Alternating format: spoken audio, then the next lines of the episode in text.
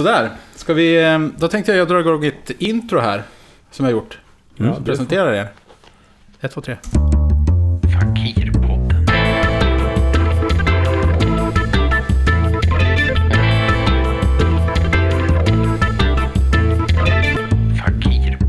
Idag träffar vi dockmakaren som driver ett okult museum. Vi träffar också konstnären och arkeologen som skapar demoner med sina bara händer.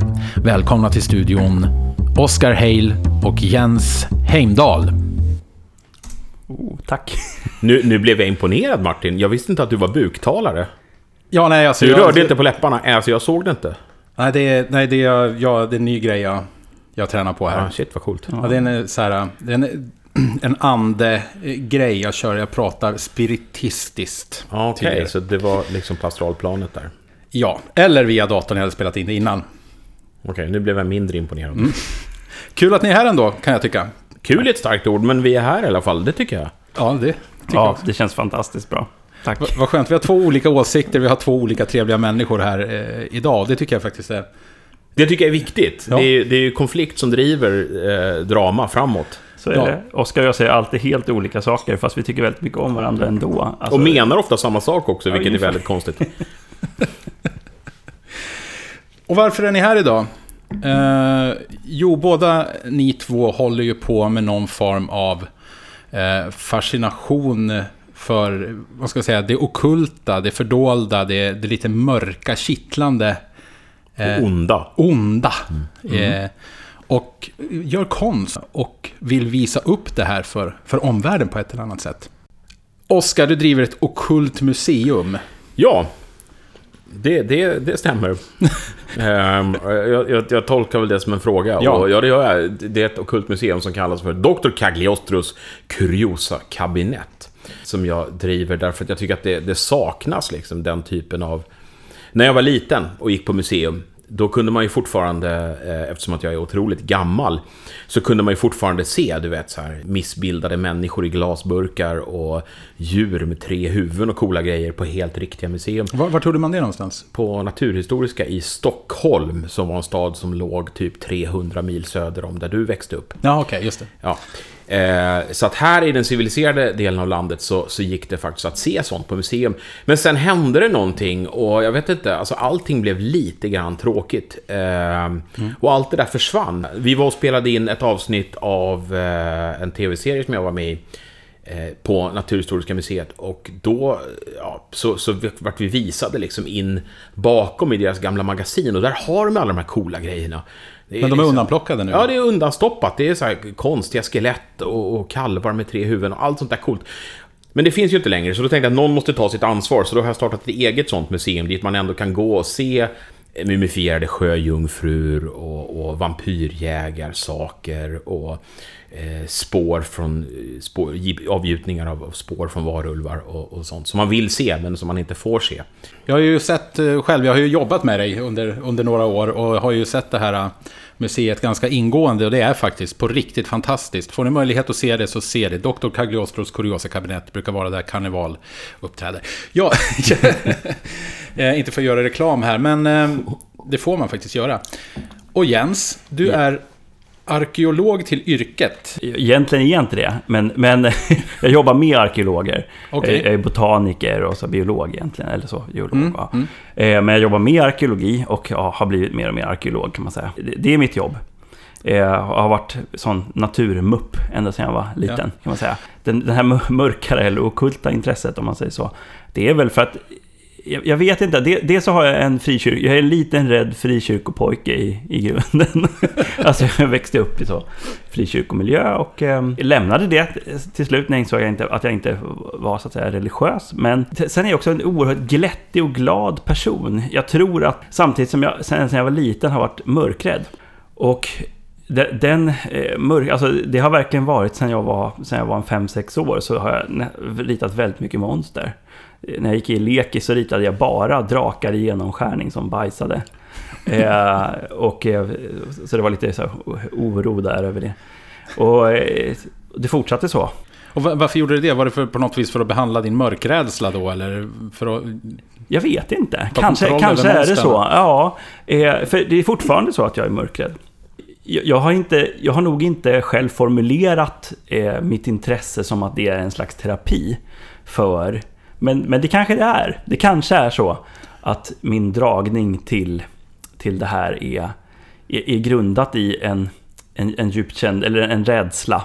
Men, det, men den rädslan är inte bara en så att säga, negativ upplevelse. utan Det, också, det handlar ju definitivt om, precis som Oskar beskrev, en sense of wonder, eller vad man ska kalla det för, eh, som man får när man, när man stöter på information eller företeelser som på något sätt gungar ens eh, världsbild, eller att man får känslan av att saker är kanske inte riktigt vad de ser ut att vara. Om man då kollar Wikipedia, som är källan till all min eh, faktagranskning, eh, granskning, så okult betyder ju det fördolda i, i princip. Alltså någonting som är, har lite mörker.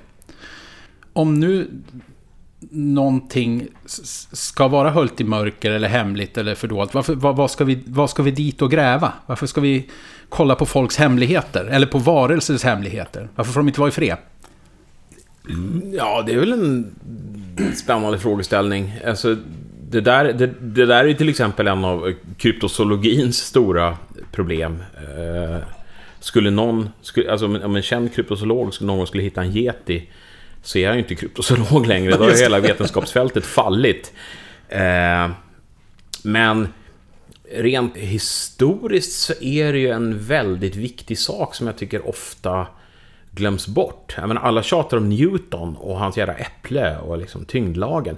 Men han skrev ju betydligt fler böcker om alkemi och magi än vad han skrev om eh, tyngdlagen. Och det säger väl en del om att hans, eh, i, i hans medvetande och i hans tankevärld, som till sist ledde honom till att upptäcka eh, tyngdlagen, så finns det en massa andra koncept och idéer. Och hans världsbild eh, eh liknar nog inte någon som folk har idag, men, men den världsbilden och, och det sättet som han använde, liksom, eh, att han hade ett öppet sinne för allting, gjorde att han till sist kunde komma fram till saker som, ja, men till exempel tyngdlagen och, och, och matematik som jag eh, inte begriper. Därför har ockultismen en, en, en jättestor del i i vår historia. Många stora vetenskapsmän har liksom... Det är den här Faust-grejen att, att eh, man, kommer till, en- man kommer till en gräns för allt det här kan jag förklara med matematik, med naturvetenskap, med allt, allt, allt. Och så kommer du till en gräns där, där det inte längre går att förklara. Och då söker man sig in i, i, eh, i magi och ockultism. Som, som Faust gjorde, som John Dee gjorde, som Newton gjorde. Mm. Ja, ja, men och lite, på, lite på det temat. Men så här, jag tycker att eh, det som benämns idag, eller ockultism, jag tycker att det finns, man kan dra, man kan dra många paralleller till konst. Eh, därför att eh, om vi pratar, just i synnerhet eftersom du nu, som i det här fallet så ställer du lite grann så här vetenskap mot ockultism om man säger så.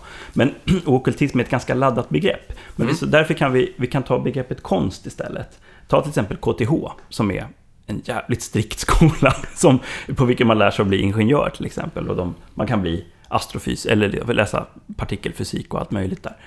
Eh, väldigt vetenskapligt. Men de har som, eh, det är väl deras devis som är vetenskap och konst. Det är så att säga två storheter som man låter finnas bredvid varandra. Eh, och konst, vad är det?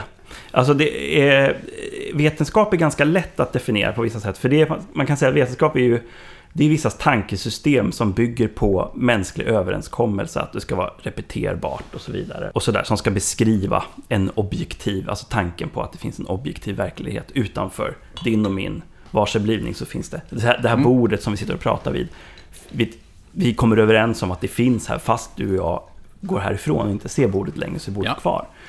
Eh, Det är liksom den vetenskapliga överenskommelsen. Ja. Men konst, då börjar man prata om andra behov som människan har. Det beskriver en annan sida av, för egentligen kan man säga att både vetenskapen och konsten fångar, eller försöker fånga, olika delar av det mänskliga sättet att tänka eller att förhålla sig till sig själv, skulle jag beskriva. Se till sig själv och sin omgivning. Eh, där vetenskapen så att säga inte räcker för att människan ska bli tillfredsställd i att förstå sig själv och sin omgivning. Och då, tar man, då kan man använda konst, till, alltså po poesi, måleri, eh, musik för att uttrycka saker som man eh, som bland annat, inte minst har med känslor att göra. Och jag skulle säga att okultismen hör till konstsfären. Men när vi går tillbaka i historien så gjorde den inte det. Eh, utan eh, går vi tillbaks till 1600-talet och längre tillbaks så är okultismen, det som vi idag kallar okultism, var då sammans, sammansmält med vetenskapen. Och en del av okultismen utvecklades till det som idag kallas vetenskap. Så att naturvetenskapen är, en, är faktiskt en del av den gamla okultismen som så att säga har brutits ut ur den. Okultismen är, ja, den, precis som Oskar säger, den är central. Att, och som, om jag då jobbar med his, historiska frågor, försöker förstå hur människor tänkte förr i tiden, då är så att säga det okulta tänkandet och det magiska tänkandet, det är liksom centralt. För om jag ska försöka förstå hur tänkte man, då måste jag då är det där jag liksom måste fördjup, försöka fördjupa mig. Oavsett vad jag själv tror, så att säga. Ja, Och, och, och nästan all, all konst som finns idag har ju sitt ursprung i ockultismen också. Jag menar, eh, teater kommer ur, ur religiösa ritualer. Magi, alltså trollkarlar. Har väl också... Absolut. Eh, Så är det ju. Eh, Musik, mycket musik eh, är ju också, om man tittar på pythagorerna till exempel, som, alltså den, här, den matematiska eh, tanken, alltså mycket musik är ju, är ju väldigt matematisk om man säger så. Där eh, den, den py- pythagoreiska, eh, vad ska man säga, religiösa rörelsen som fanns i Grekland då.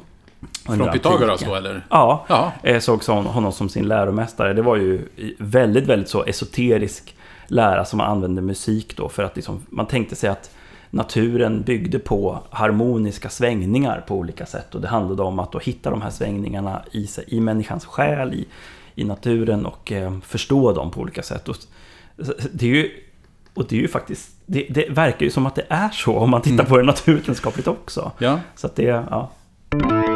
Fakirpodden. Jag tänkte trösta Jens lite angående det här med mörkerrädsla. För att alltså, mörkerrädsla är ju faktiskt helt befängt. Det finns ju ingen anledning att vara rädd för mörker. Det är ju det som gömmer sig i mörkret, det är det man ska vara rädd för. Ja, det, det, det är det jag menar med mörkerrädsla. Alltså mörkret Ja, är... okej. Ja, det, det Ja, men då är det rimligt, det tycker jag. Ja, men där finns ju... Ja. Fan, det är ju Ja, Men, men vad är det som gömmer sig i mörkret då? Ja, alltså, för, alltså Allt. så här, om jag ska beskriva det, Ja. liksom, hur, vad jag, hur, jag, hur blir jag rädd för mörker så. Eh, det har att göra med att eh, när jag är, alltså så här, nu är det så här att jag är inte eh, okontrollerat mörkrädd. Jag kan faktiskt kontrollera mig ganska bra. Eh, och eftersom jag är, är, har barn och sådär också så måste jag skärpa mig liksom inför dem. Så jag är ganska bra på att liksom inte verka mörkrädd. Och när jag är med dem blir jag också dessutom tryggare, för då måste jag vara det. Liksom.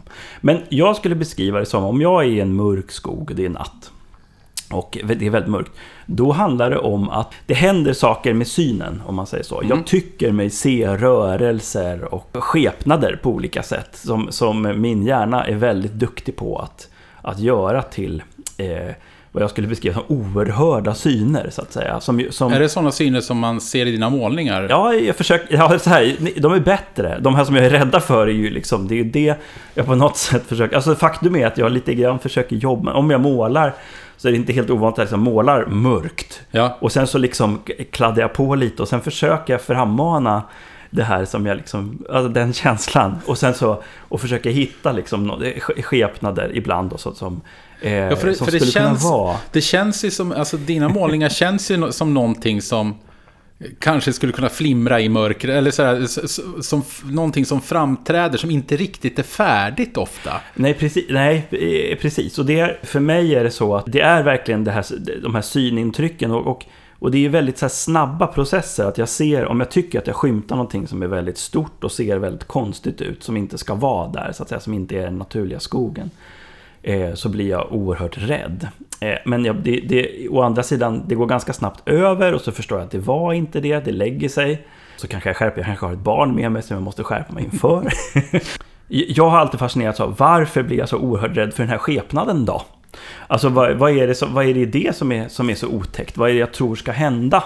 Och det kan jag inte svara på. Jag kan liksom inte, jag kan inte analysera varför det är på det sättet. Jag tror att det är ett Ja. uråldrigt genetiskt arv Det är mycket från en, möjligt. Ja, en det, forntid. ja, absolut. Det är definitivt... Jag, jag hävdar ju att det är inom mig som det här händer, för det höjer ju mitt eget värde. Mm. Eh, då är det ju så här, jag som är den här konstnären och inte skogen. Men, men varför, varför skulle det vara ett nedärvt... Varför skulle det vara ett arv att vara rädd för saker i skogen? Är inte det lite kontraproduktivt? Nej, det är ju jättebra. Alltså, det, är, det är ju många människor, de har aldrig i verkliga livet träffat en orm, men är skiträdda för ormar.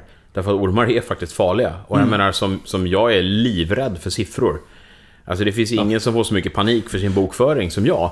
Men det är ju Och för då har att... du ändå aldrig gjort din bokföring. Nej då. Nu behöver vi inte, alltså just nu så ligger jag lite efter med december, måste jag erkänna. Och, och det, så att, men men, men det, det, det finns ju fullt rimligt skäl till det, därför att vi vet att matematik är ett universellt språk. Troligtvis liksom, så, så, går, så, så går det raka vägen tillbaka till skapargudarna. Som ju också är, är liksom numera kopplade till, till, det pratade vi om igår, vi hade en lång debatt om, om änglar och demoner. Och, och, alltså, så att det, är ju, det är ju ett språk som demoner pratar, så att någonstans i i den här bokföringen så gömmer det sig ju sifferkombinationer som kan vara direkt dödliga. Så att därför är det bara, alltså det är en helt sund reaktion, tycker jag, att vara rädd för siffror. Samma sak som mörker, alltså jag menar, finns det varulvar där ute så är det väl en jävligt bra idé att hålla sig borta från skogen, känner jag. Ja. Så där, det, det är väl en, det är väl en, en rimlig sak, Det, det, är en, ormar det är en liksom. helt riktig, alltså det, jag går bara kolla på, vad heter han? Carl Sagans Contact. Den här, det är en film, det finns en bok. Eh, science fiction är det och eh, det handlar om, alltså man säger så här utan att spoila för mycket, men man kan säga att i slutet av den boken så får de uppmaningen av utomjordingar naturligtvis att ja, men, om vi vill veta mer om universums hemligheter, vad ska vi kolla då? Då kolla i pi, säger de. De här utomjordingarna då, som är övervisa. Och så gör de det, så får den här forskaren jättemycket pengar och eh, börjar leta, liksom titta, decimaler sjukt långt tillbaks i pi. I talet pi 3,1415, ja ni vet allt det där. Eh, och till slut så kommer det en eh, binär kod. långt, långt, långt bak i pi finns det en binär kod. Då är det ju så att om man ska, om man ska göra det, om man ska eh, så att säga, dölja ett budskap i pi, då måste du ha skapat universum. Så är du, Såklart. ja då är du Gud så att säga. Och det är ju rätt cool. Ja. Det, ja men det jag säger, alltså det är ju inte som, alltså det här är ju inte, det här är ju inte på skoj. Nej, nej, och det, Nej. det är eh, alltså mycket, inom kabbala, alltså den judiska mystiken, så, så är ju en, en del där handlar ju om, och det är inte bara inom kabbala, utan det här är ju, har ju sitt bakgrund i sumerisk religion, det fanns i Grekland också, att man, varje bokstav motsvarar en siffra. Så att eh, ord kan man så att säga räkna ihop med olika metoder och få summor på. Och genom, genom att de orden får summorna i en text så får texter, är inte bara den här texten utan de är också en sifferkod som döljer ett budskap som så att säga, är den okulta eh, bakgrunden bakom de här. Och det, hela Bibeln så att säga naturligtvis har den här sifferkoden. Och då kan man till exempel se att eh, ordet för ormen i paradiset som förför Eva, eller får Eva att eh, äta av frukten, eh, som då heter Nahash på, på hebreiska. Eh, det är, och det, den har så att säga samma gemantriska tal som Messias. Alltså, eh, så att det finns en koppling mellan, mellan ormen och Messias. Så det, där, det är intressant.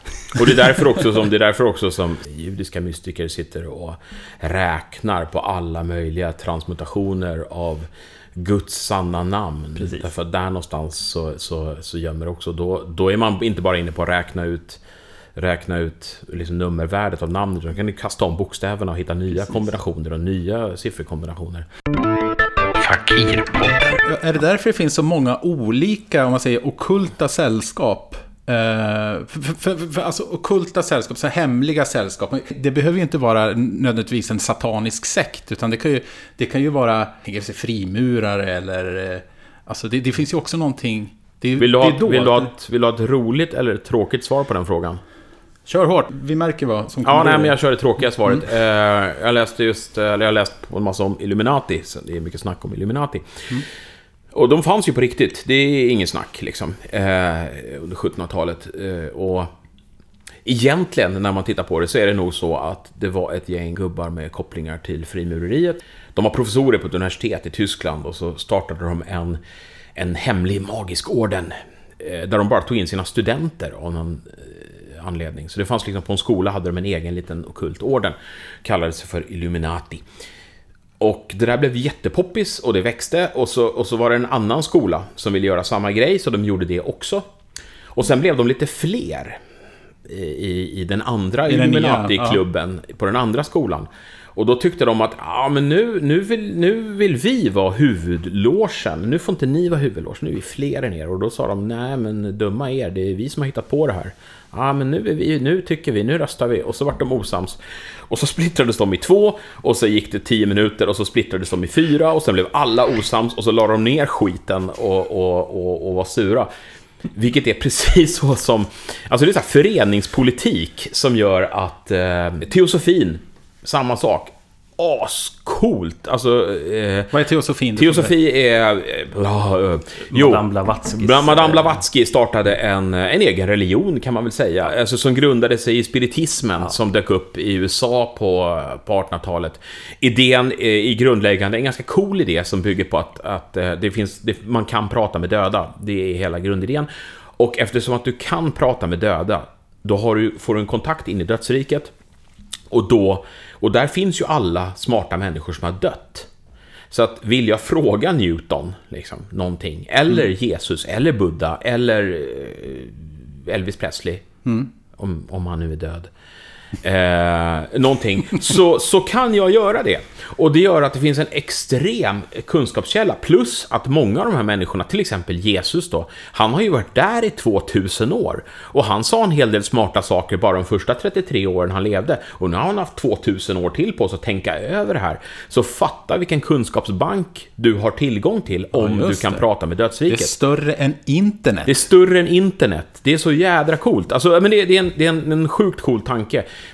Och det byggde Blavatsky en, en kul idé på. Och hon är en jättespännande människa. Jag orkar inte, eller du orkar inte lyssna på att jag går igång om Blavatsky, för det kan vi göra en egen fyra timmars... Första seriösa eh, akademiska boken om Madame- Blavatsky kommer i år, alltså Ja. 2019. när vi Det är konstigt att ingen har liksom... Det är, och det säger så mycket om eftersom hon också, jag tror att det definitivt har att göra med att hon är kvinna och avfärdades, har avfärdats under väldigt lång tid som charlatan. Mm. Ja. Och eh, lurendrejare. Hon har haft väldigt låg status under lång tid, men ett enormt inflytande. På, Och hon var charlatan och lurendröjare Absolut. också. Ja, Eh, Men hon förklarar, det tycker jag är så coolt. Nu tappar vi spåret lite här, jag är men väl det- medveten vi- om det. kör, Men, det Men det göras. göra. ja, men Blavatsky säger bland annat, för att alltså, hon blir avslöjad, hon gör några trolleritrick, hon uppfinner bland annat en, en, eh, en magisk metod, kan man säga, som heter letterbox. Eh, som används av, av scenmagiker än idag. Och den var liksom bullshit. Och det finns, hon gör, hon gör, eh, hon gör eh, seanser i Kairo. Eh, där de har byggt någon slags eh, spöke av papier-maché och någon har den på en pinne och flyger runt i ett mörkt rum. Ihop med en assistent och, och det är jävligt coolt.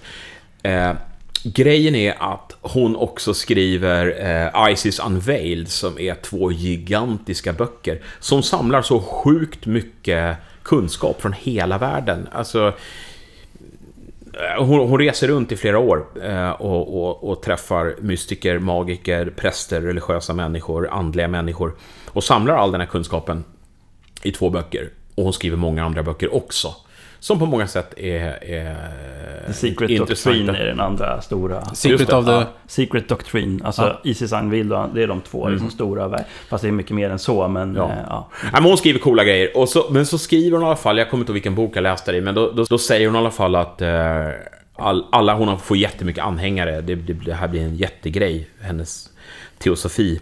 Eh, Får ett, har religion. en stor eh, eh, vad heter det, avdelning på Visingsö. Ja, Eh, bland annat finns ett tempel där. det var därför jag började flumma om det här. Jag, jag, jag, jag ska påminna mig om det om en stund. Jo, men, men hur som helst, då, då, då säger hon att, att problemet är att att människor kommer till henne och de vill ha eh, instant kickar liksom. Hon, och, och jag tror hon säger till och med rakt ut att, att hon har ju skrivit, hon har skrivit allting, alla svar på alla frågor som någon kan någonsin vilja ha, finns ju i hennes böcker. Men folk är för jävla lata för att läsa dem, utan de vill ha ett brev direkt från Gud som säger vad de ska göra. Och, och, och, och, hon, och hon måste ju också äta mat och betala hyra liksom. Eh, och hon säljer en hel del böcker, men det är inte det hon tjänar pengar på, utan folk kommer till henne och vill ha den här liksom instant liksom Facebook-liken. Liksom. Gud likar mig, här, kolla. Så hon, hon bygger effekter där folk faktiskt får ett brev från Gud och blir jätteglada och donerar pengar till hennes rörelse. Och hon hatar det. Liksom hon säger rakt ut, folk är idioter. Men vad ska jag göra? Jag måste ge dem det de vill ha. Jag har ju gett dem det de ska ha. Jag har skrivit det här, jag har samlat det här. Jag försöker berätta för dem. Men det är... Jag är det inte deras stort jävla och Google. komplicerat. Nej, men det, det är så här, det är jättejobbigt att läsa en stor bok och det är jättejobbigt att förändra sitt liv. Det orkar ingen göra. De vill ha ett brev från Gud och då får de det. Så. Men teosofin, när, när, när Blavatsky dör så är det eh, två tjejer som ska ta över. Eh, antingen Annie Besant eller, eh, eller en tjej som heter Tingli. Tingli är baserad i Europa och som Jens säger, hon blir helt kär i Visingsö. Och hon blir också bra kompis med Oscar den andre. Som han är också, han gillar eh, ockultism och, och, och häxeri och En springer gammal, och... gammal kung här alltså? Som, Ja, Jaha. Ja, en riktig kung faktiskt. Oscar den andre. Ja. Ja. han, han försökte starta krig med Norge, det var lite coolt. Och då blir det förstås en delning och så blir alla sura liksom och, och de blir osams och, och hela den här stora organisationen börjar falla sönder och eh, Tingli vill etablera det internationella centret här i, i Sverige för att Oscar den andre eh, ger henne mark på Visingsö eh, och, eh, och sen är det Rudolf Steiner också som kliver in där och han vill ju också ta över. eh, antroposof Rudolf Steiner, han vill också ta över teosofin men det får han inte och, och alltså de Tingli eh, brädar honom där, då blir han sur och så startar han sin egen teosofi som är antroposofin. Eh, så, Såklart. att, så, att, eh, så han kör sitt race där liksom. Eh, men antropos, antroposofin tycker jag är lite cast därför att teosofin var en, det, det är liksom, det, det, det är en, ett hopkok av alla världens religioner för att Blavatsky tyckte att ja, men alla, alla andliga rörelser i hela världen har ju någonting bra att komma med. Så vi tar det som är bra av alla och sätter ihop det till en och så, så, blir, ju, så blir det Ja, bra. den samlade databasen, den samlade Ja, eh, eller hur? dödens internet. Ja, men då, då, tycker så här, då, tycker, eh, då tycker Steiner att ja, det där är ganska bra, men vi gör samma sak fast bara kristet. Så han gör en, en, en helt kristen teosofi, vilket ju motarbetar hela syftet. Men in the long run så får vi säga att Steiner vann ju. Liksom, Alltså, det- han, driver ju ändå, han driver ju ändå högstadieskolor i Sverige idag, och, och, och, och, som är grundade i, i det som på medeltiden kallades för nekromanti. Vilket är ju sjukt coolt. Ja, det Så jag ja, precis. ja, Spiritism är en del av nekron, det är en viktig del av nekro- nekromantin. Kan man säga. Alltså, alltså, eh, alltså, vad säger man, magi eh, kring det döda. Att, att kommunicera med andar och så. Men det som, din ursprungsfråga där, Ja. vad, handlade ju om varför är det så många sällskap, varför kan de inte man inte kommer överens. Och jag skulle säga, det som lite grann som jag sa i början, om man pratar om vetenskap till exempel, så kan man säga att vetenskapen bygger på en överenskommelse som väldigt många kan komma överens om. Och det gör inte ockultismen. Nej. Utan ockultismen, själva natur, är ju, eh, bygger så att säga på den, för, den fördolda kunskapen som inte eh, är, kan delas med vem som helst. Utan ofta handlar det om att man tänker sig att man har en inre röst eller en speciell förmåga. Alltså det är ganska personknutet. Inom antroposofin till exempel så kallar man Rudolf Steiner för att han var klarseende. Det är där- därför han har så hög status. För han, han såg verkligen någon, någon, en sanning då. Då blir det vissa grejer som inte riktigt går att ifrågasätta eller svåra att göra det inom det. Och, och det där är ju eh, en viktig sak in, inom, inom ockultismen, att, att det fungerar på det sättet. Och det gör ju också att det går ju inte att komma överens. Utan det går att komma överens i, det blir liksom små eh, sociala eh, grupper. En del blir lite större, en del blir mindre. Många är ensamma så att säga. Och, det, och sen, sen är det också så att, att eh, om, om vi nu pratar magiska ordnar eller ockulta sällskap, så har ju alla sitt eget förhållningssätt till, till livet. Alltså det är en kopplat alltid en filosofi till dem. Eh, så att det, det är ju det är en jättestor skillnad att vara satanist mot att vara telemit. Eller mot att vara antroposof. Man lever helt skilda liv och har helt olika värderingar. Så det handlar ju om att hitta en, en eh, att hitta en okult rörelse som stämmer med dina värderingar och, och med, med det sätt som du vill leva. Ja, men Eh, precis. Om du vill ägna dig åt det. Ja, och det, och det bygger ju på i stort sett att, att på något sätt förändra världen, eller att liksom, alltså det är det du jobbar med, förändra din omgivning, förändra världen, förändra dig själv. Jo, men det är alltså, alltså om man, man tänker att om inte ens katoliker och protestanter kan komma överens. Inte ens är väl ett starkt ord, där har vi liksom... Det har, Jag vet inte om... Ja, men nu, nu börjar väl... Nej, men det, absolut. Ja, men, det, nu vad du kommer in på nu är ju så att säga eh, religion, som vi kan kalla det, är, är lite bre, en ytterligare bredd. Alltså, ockultismen ligger ju under religionens paraply, skulle man kunna säga. De flesta religioner har ockulta sidor. Mm. Eh, det finns ockult, eh, alltså ockultism inom kristendomen, det finns ockultism inom, inom, inom judendomen och så vidare. Eller esoteriska, alltså hem, eller hemliga läror om man säger så. Och jättemycket inom islam. Och... Absolut. Och va- varför Eh. är det hemligt? Är det- Eh, Alltså, de, de här, om det nu är sådana om, världsomvälvande saker, med att man vill förändra världen, som du säger Oscar, och sådär. Varför måste det då vara okult? Varför måste det vara hemligt? Varför Jag det- Egentligen är det ju inte hemligt. Alltså, eh, det, det är som vi säger i ockulta kretsar att, att den här informationen är endast tillgänglig för dem med de högsta graderna inom orden eller de med internet. Eh, för att, jag menar det är inte svårt att, det är inte, det är inte svårt att, att googla fram eh, Golden Dawns initiationsritualer. Om du vill ha dem. Alltså, men idén, eh, det, som, det som oftast är hemligt i, i ockulta ordnar, det är ju initiationsritualerna. Eh, de magiska ritualer som utförs, de finns ju nästan alltid publicerade någonstans, eller på internet eller någonting. Men initiationsritualerna inom frimurarna, inom OTO, inom Golden Dawn, de försöker man hålla hemliga. Och det beror ju på att eh, de är en del av en initiatorisk resa. Det är ett pedagogiskt program där du, där du är tänkt att eh, genomgå en, en trappa.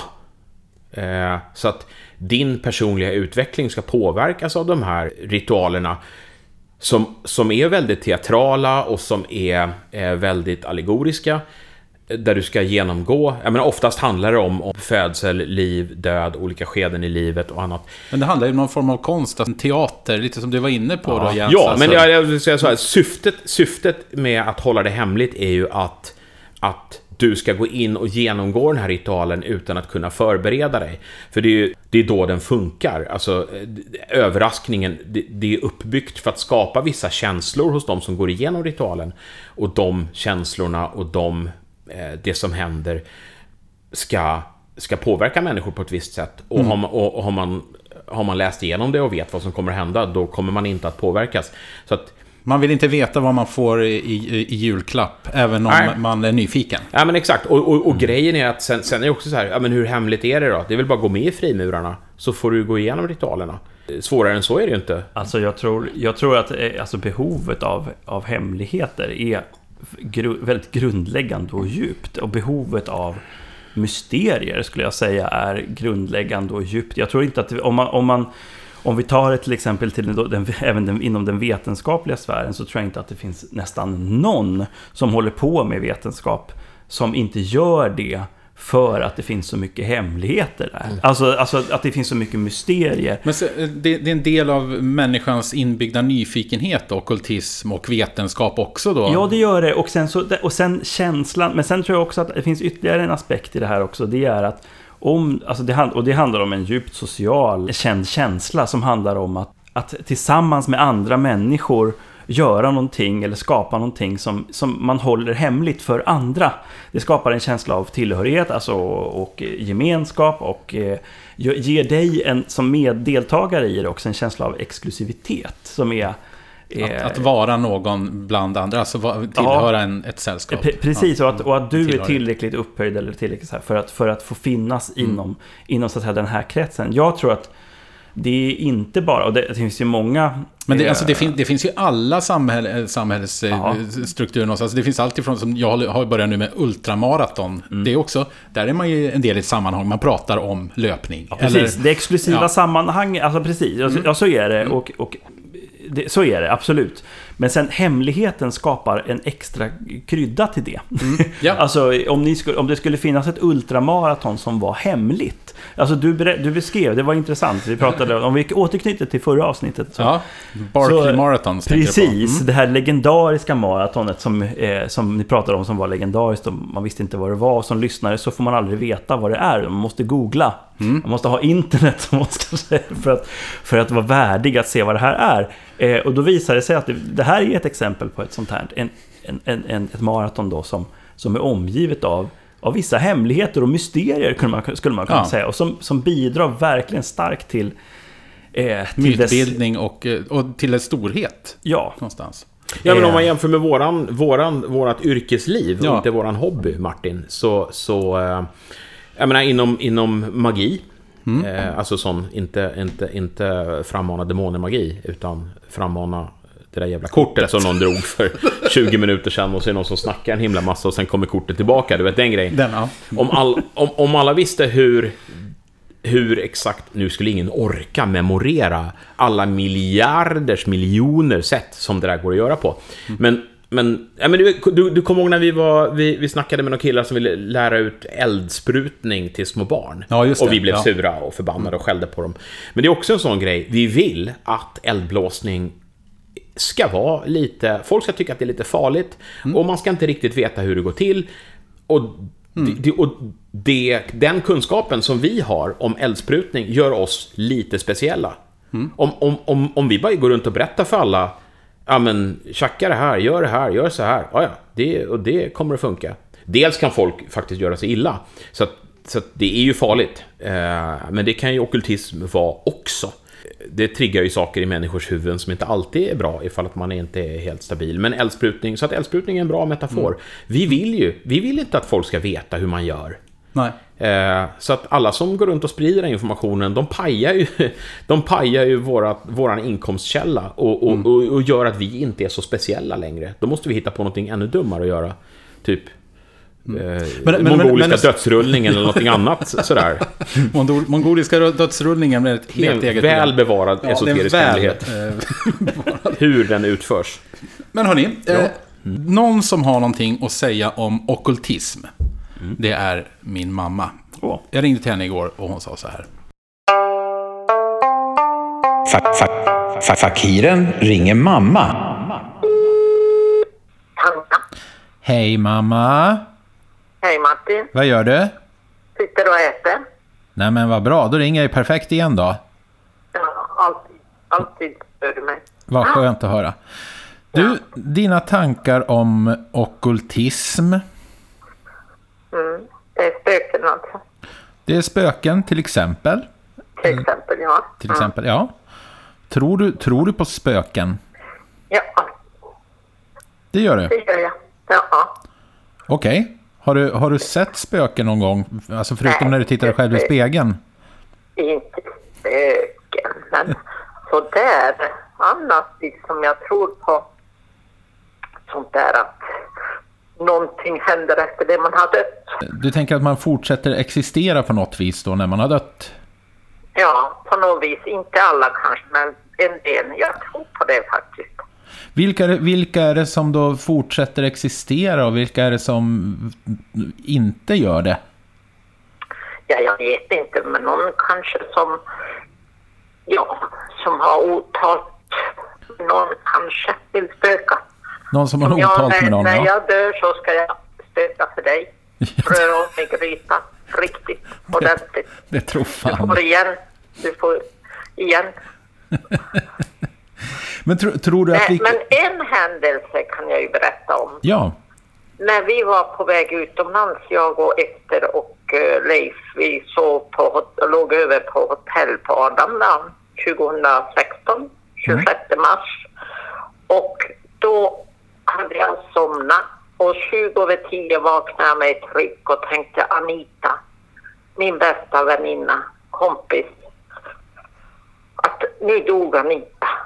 Och när jag fick reda på det sen någon dag senare att hon hade dött och då var det precis den tiden. Ja, för du, du, du har ju sådana där... Ibland kan du ju faktiskt höra av dig och fråga sådär. "Vad- Är det någonting som har hänt? Jag fick bara en känsla. Så där har jag ibland sådana där. Och lika när vi var på Teneriffa, jag och Leif, och så fort jag, det var så lustigt, så fort jag satte på lite musik, då kom en duva och satte sig vid mig på räcket på balkongen. Och det hände varenda gång oavsett tid på dygnet och när jag knäppte på musik då kom samma duva. Man såg på färgen att det var samma och satte, satte sig på räcket. Så jag tror att det är någon som kanske, som jag har dansat med någon gång, som har dött, som kommer dit. Så funderar jag. Så.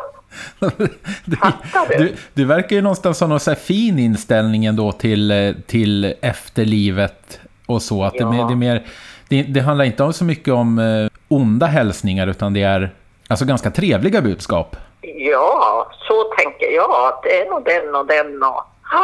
Ja. så kan jag tänka. Men tror du, tror du vi kan kommunicera med den andra sidan? Nej. Ja, nej. Det tror ja, jag vet inte heller, fast jag brukar ju titta på de här tv-programmen, men man vet ju inte riktigt vad som är. Men när jag var liten, då hade vi sån här spiritist. Vi gjorde en tavla och så satt vi i en lokal, eller förråd, mörker med ett ljus tänt och så rörde sig glaset. Ja, ni körde anden i glaset, en klassiker. Anden i glaset, ja. Men jag blir inte rädd. Det är det som är så skönt. Nej, men det är väl jättebra.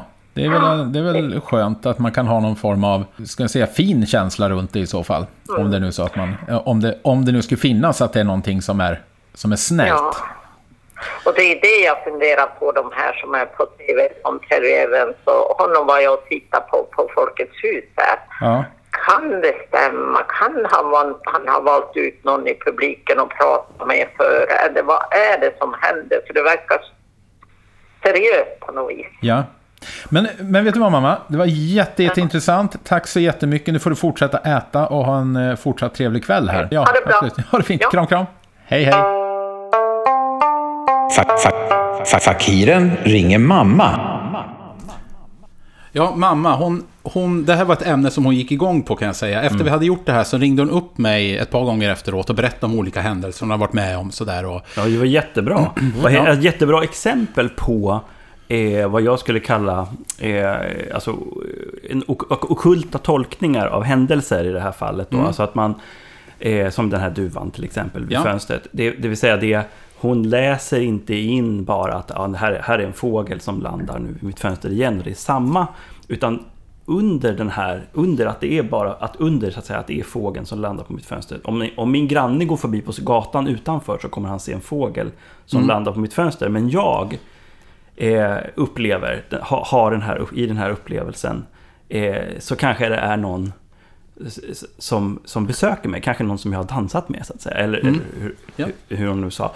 Och det, det är ett jättebra exempel på eh, just det som okultismen handlar om. Eh, det vill säga eh, det, det, den fördolda betydelsen under verkligheten. Saker är inte riktigt det som man tror att de är från början. Eh, och, som en del, alltså, och det kan också vara, eh, som nu, nu förefaller din mamma vara väldigt trygg i, i, ja, det, i den här det, det, synen. det var också väldigt eh, Ja. kul att höra. För, tvärtom från dig, hon Ja. är inte mörkrädd. Utan Nej, precis. Hon, hon är ju, det- ser ju det som de positiva. Ja, och, det, och, och, det, och jag tror må- många gör det. Eh, själv så blir jag, så tycker jag att de, bland de otäckaste upplev, eller de upplevelserna som får liksom mig att... Men, det, men så här, jag ska inte säga att det är inte bara en negativ otäck upplevelse, det är också väldigt positivt. Det är känslan av att saker inte är som jag tror att de är. Det vill säga att verkligheten rämnar för mig. Det är eh, bland, det, bland de ja, otäckaste grundkänslorna jag kan få. Det här får ju mig direkt att tänka på Linné, givetvis. Eh, Ja, naturligtvis. Eh, för att eh, det, det är lite som, som Jens säger, fast tvärtom. Det, det okkultismen vill eh, tillföra världen, det är ju att, att det faktiskt finns...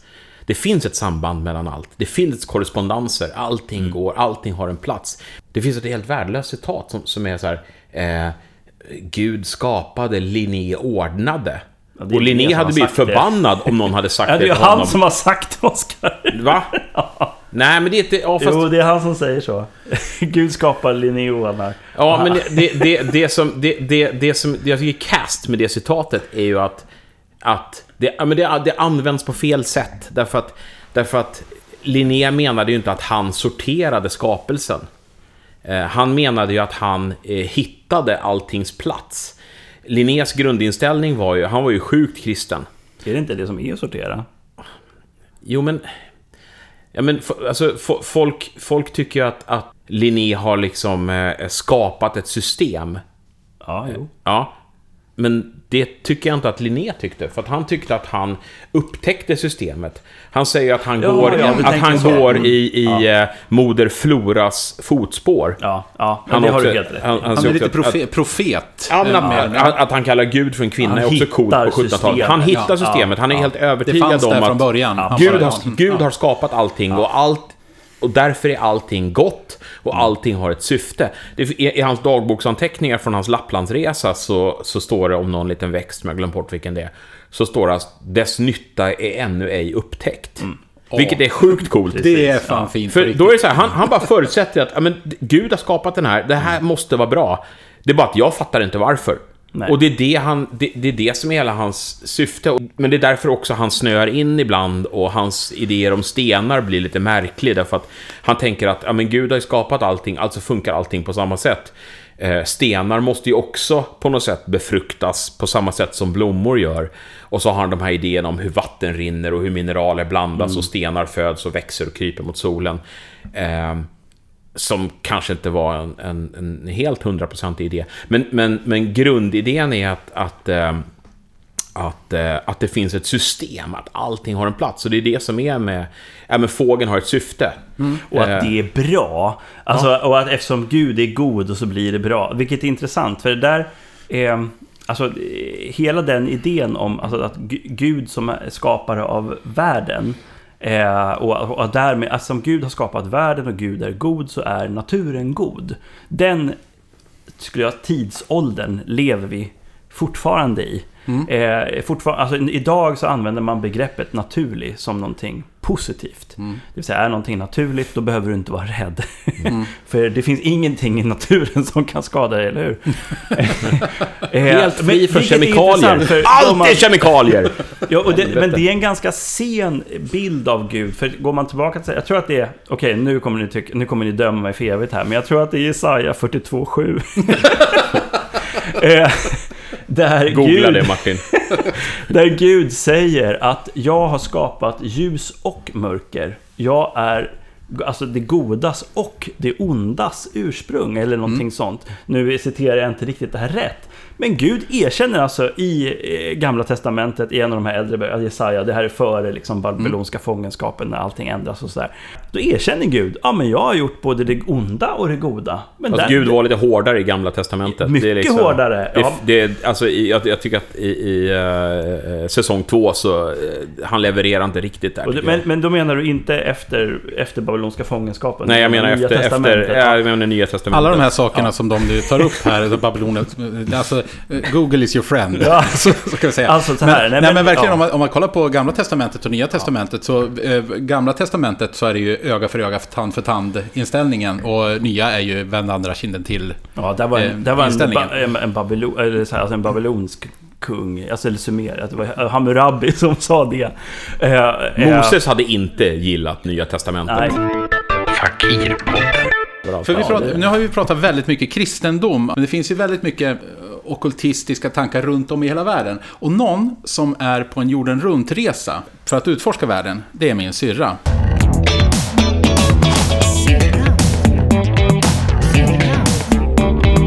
Syrrans jorden runt-resa. Du måste berätta om Grekland. Vad, I och med att du var där så länge. Intresset väcktes väl trots det är ett väldigt gammalt land. Mm. Det är väl en sådär 57 år, ish. Ja. Eh, Sådär, så Men jag, eh, vad- jag har fattat så är Grekland är ju ett... Det har ju gått i konkurs. Det är ett fattigt land sådär. nej, Nej. det har faktiskt god ekonomi. Mhm. Inte så långa arbetsdagar, men väldigt god ekonomi. Alltså om man tänker naturen är ganska torftig. Det är mycket kala grenar, Mhm. sandigt, torrt. Okej. Mycket olivolja kan jag tänka. Ja, man får passa sig när man hänger upp och ner. Då är det mycket olivolja kan jag säga, så blir det oftast morötter i munnen också. Men annars så, fettan är ju god. Fetan. Fettan. Och eh, sen som sagt det här med julgranar.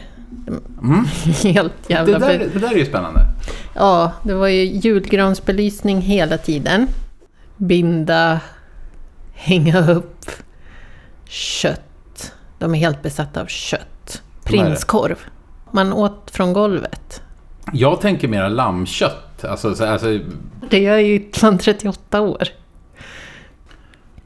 Okej, men eh, nästa program.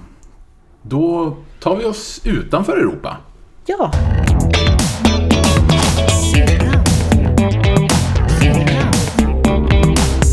Syrrans jorden runt-resa.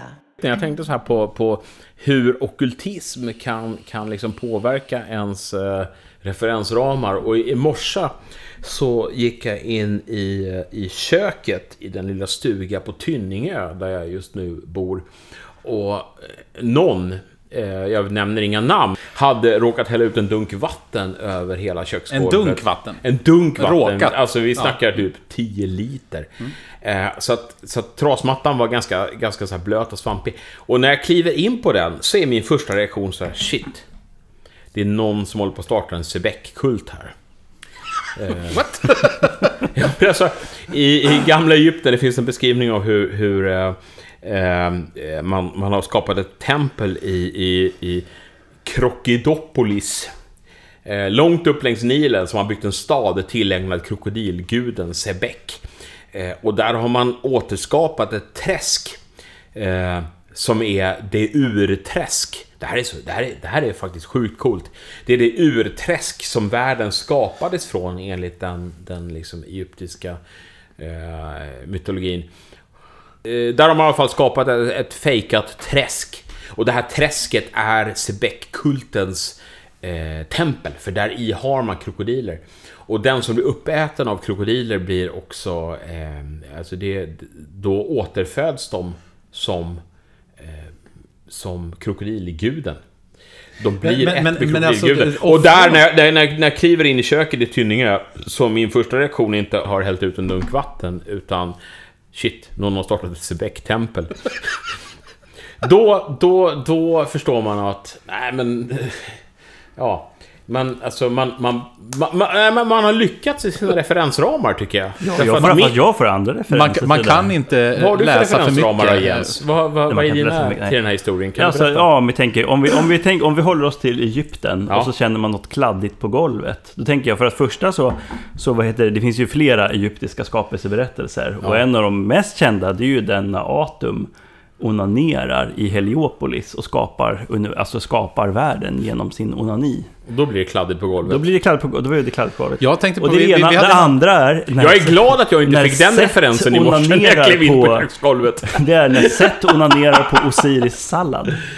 Eh, som en av de mest eh, ondskefulla nidningsdåd som har eh, ägt rum i, i världshistorien också. Så att det finns, inom den egyptiska mytologin finns det extremt mycket onani eh, historia. Vi tänkte på Pythagoras och hans sats. Ja, skitsamma.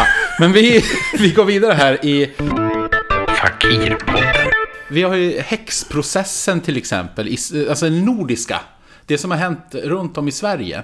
Eh, så har vi haft eh, ockultismen väldigt, väldigt tajt in på oss egentligen. Det har vi jätte, jättemycket och det tycker jag är spännande för att man, man pratar ju ofta om, om eh, när blev Sverige kristnat? Eh, och, och Aldrig. När, aldrig! Ja, exakt min poäng tror jag. För att, alltså det är så här, ja men... eh, Anskar kommer hit, eh, 800, 900 någonting. Han måste och, vara skitgammal nu. Han är skitgammal, alltså Anskar, alltså jag pratade med honom i förrgår, han, var- han var inte imponerad, han tyckte att det var, äh, det, det går dåligt nu. Men kom igen Men- nu Oskar, men- häxprocess. Så vi sa, Det var Martin som frågade efter häxprocesser och jag Ja, sitter och väntar den på när grejen. de kommer. Ja, men inte- så här, häxprocesser. Alltså, ja, nu eh, snackar vi! Ja, Ja, nu kör vi den grejen. om vi ska försöka ha någon... Eh, Nivå. Ja, eller, ja, eller försöka liksom göra någon slags... Eh, gre- ta ett grepp om häxprocesserna. ja, Jag ber om ursäkt. i Sverige. Eh, Ja, och häx, ja, ockultismen, kristendomen kommer in, alltså när man börjar fördöma saker som finns här etc. Hur ser det ut, ser det ut och sådär. Det är en väldigt vanlig folklig föreställning att man pratar om till exempel häxprocesser i samband med att man pratar om medeltiden. Vilket är ju det första Eh, så att säga, det, och det ganska, ganska många känner till det också, att det, är, det blir lite missvisande. Alltså det är så att tittar man på under medeltiden så är ja, eh, trolldom och djävulstrolldom och sådana saker är förbjudna. Men tittar man på eh, folk som döms för häxeri, eller så att säga förbjudna eh, om vi då kallar, om vi knyter an till det här och, och, och förbjudna så att säga, handlingar på det, magiska handlingar på det sättet. Maleficium kallar man det för också, som är ett ord som både används som skadlig trolldom. Maleficent tänker jag på den här Ja, det är samma eh, ord.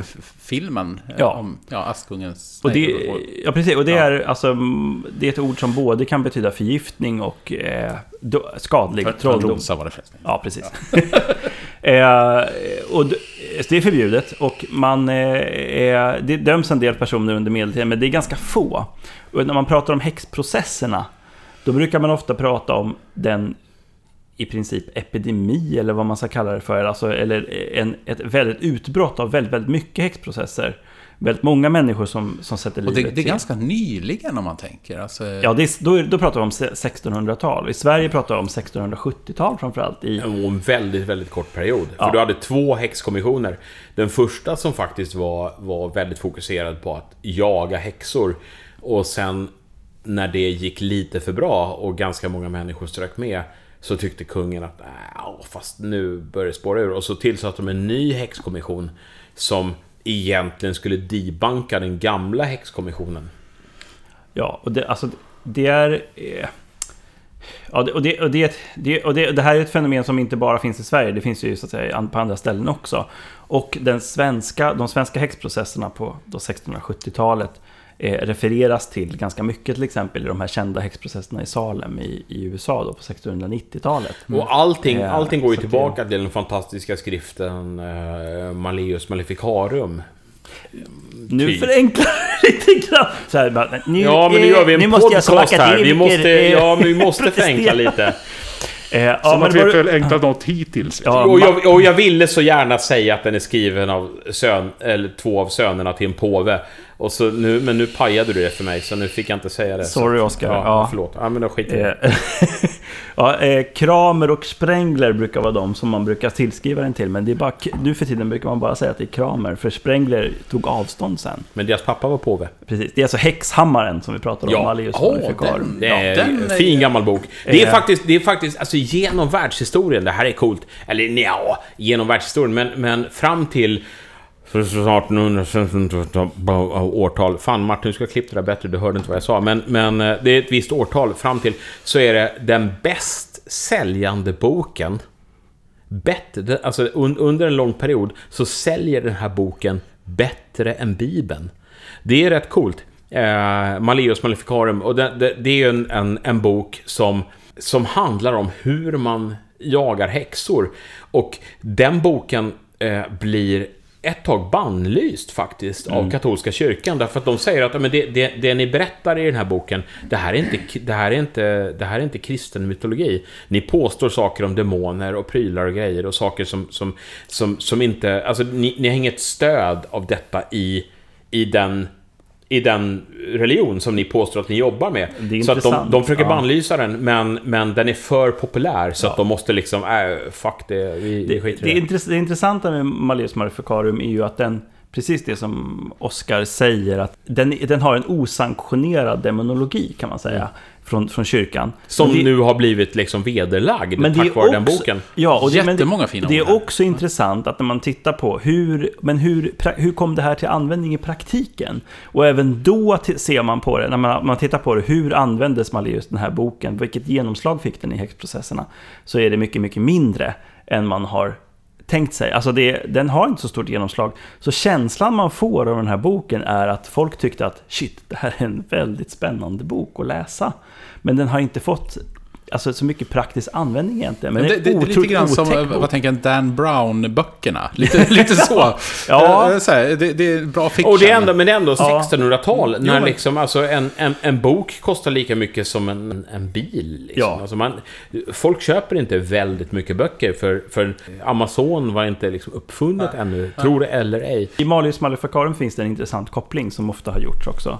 Som är, för den boken eh, är ett exempel på en av de böcker som mest misstänkliggör barnmorskor. Den beskriver barnmorskor som djävulska.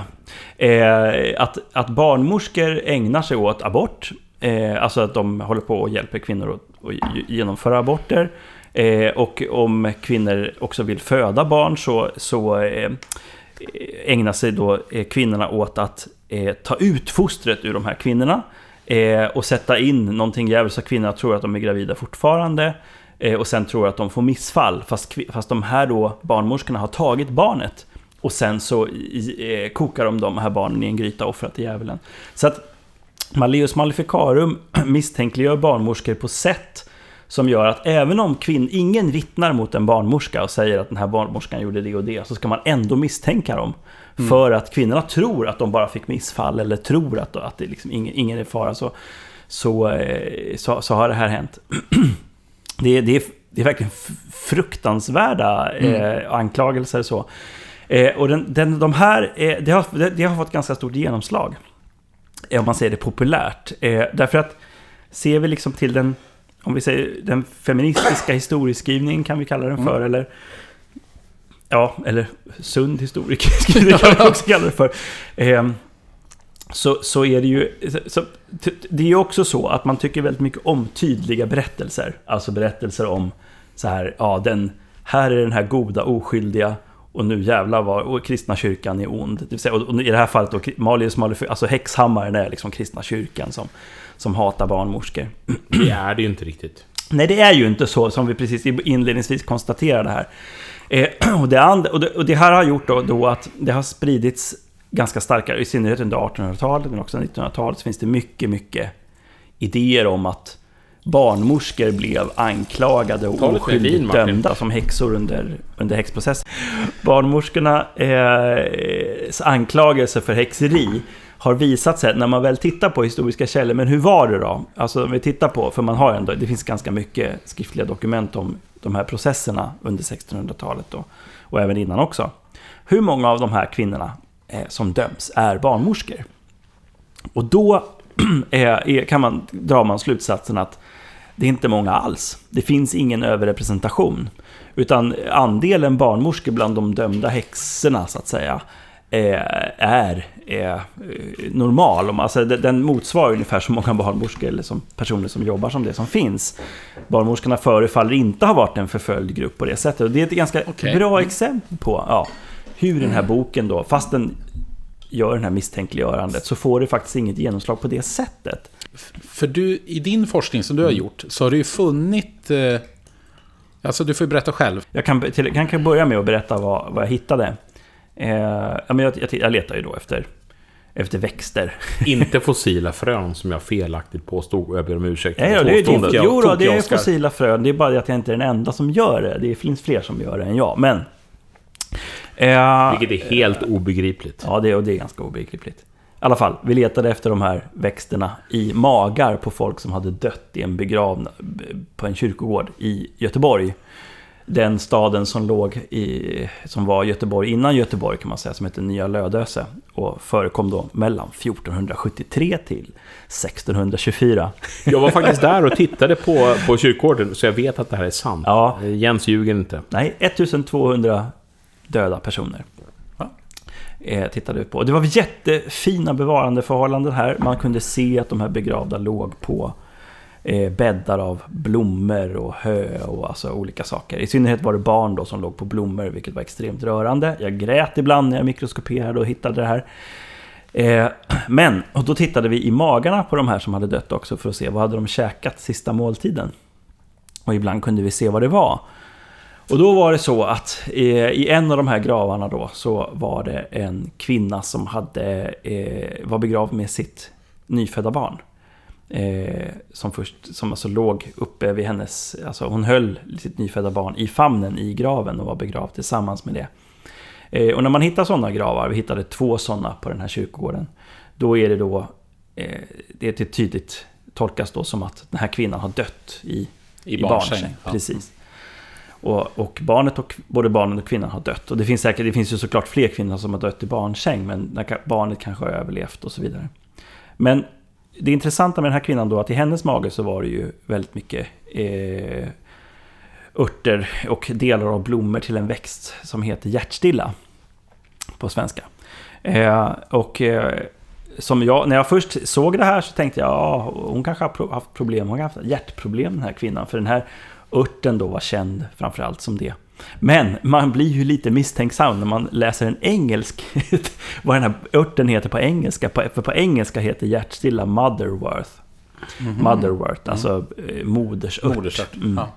Och tittar man i samtida eh, eh, herb, alltså eh, ört, örtaböcker från 1500-talet, 1400-1500-talet. Vilket man gör. Ja, vilket man gör, och jag gör.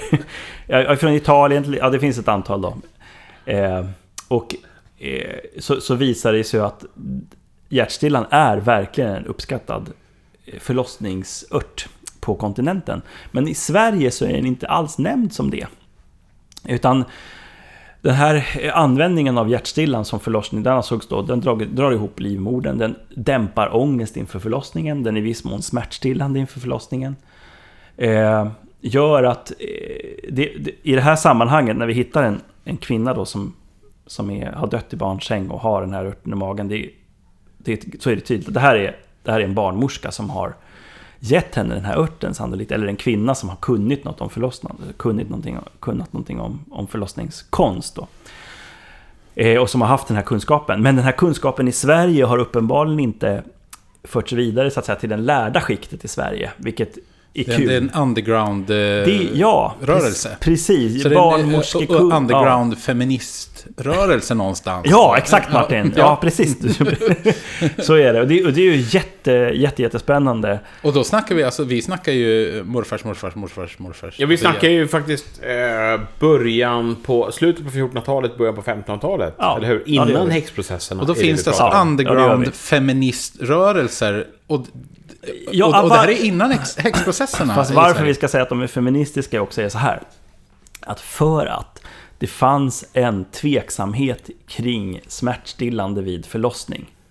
Eftersom det i Genesis, alltså första Mosebok, så står det... Så, så det är ju så att när, när Eva, jag har ju tjatat om det här, frukten och, och ormen och det där. Och när Eva och Adam har ätit av det här så säger Gud så här bara Nej! Vad har ni gjort? Vad har jag ätit av det här? Nu ska det ju ont när du föder barn. Nu ska ni ha ont när du föder barn. Och du Adam! Du ska bli andfådd när du plöjer. så det är därför, sen dess då, det var därför som kyrkan så var så emot traktorer. Är detta sant?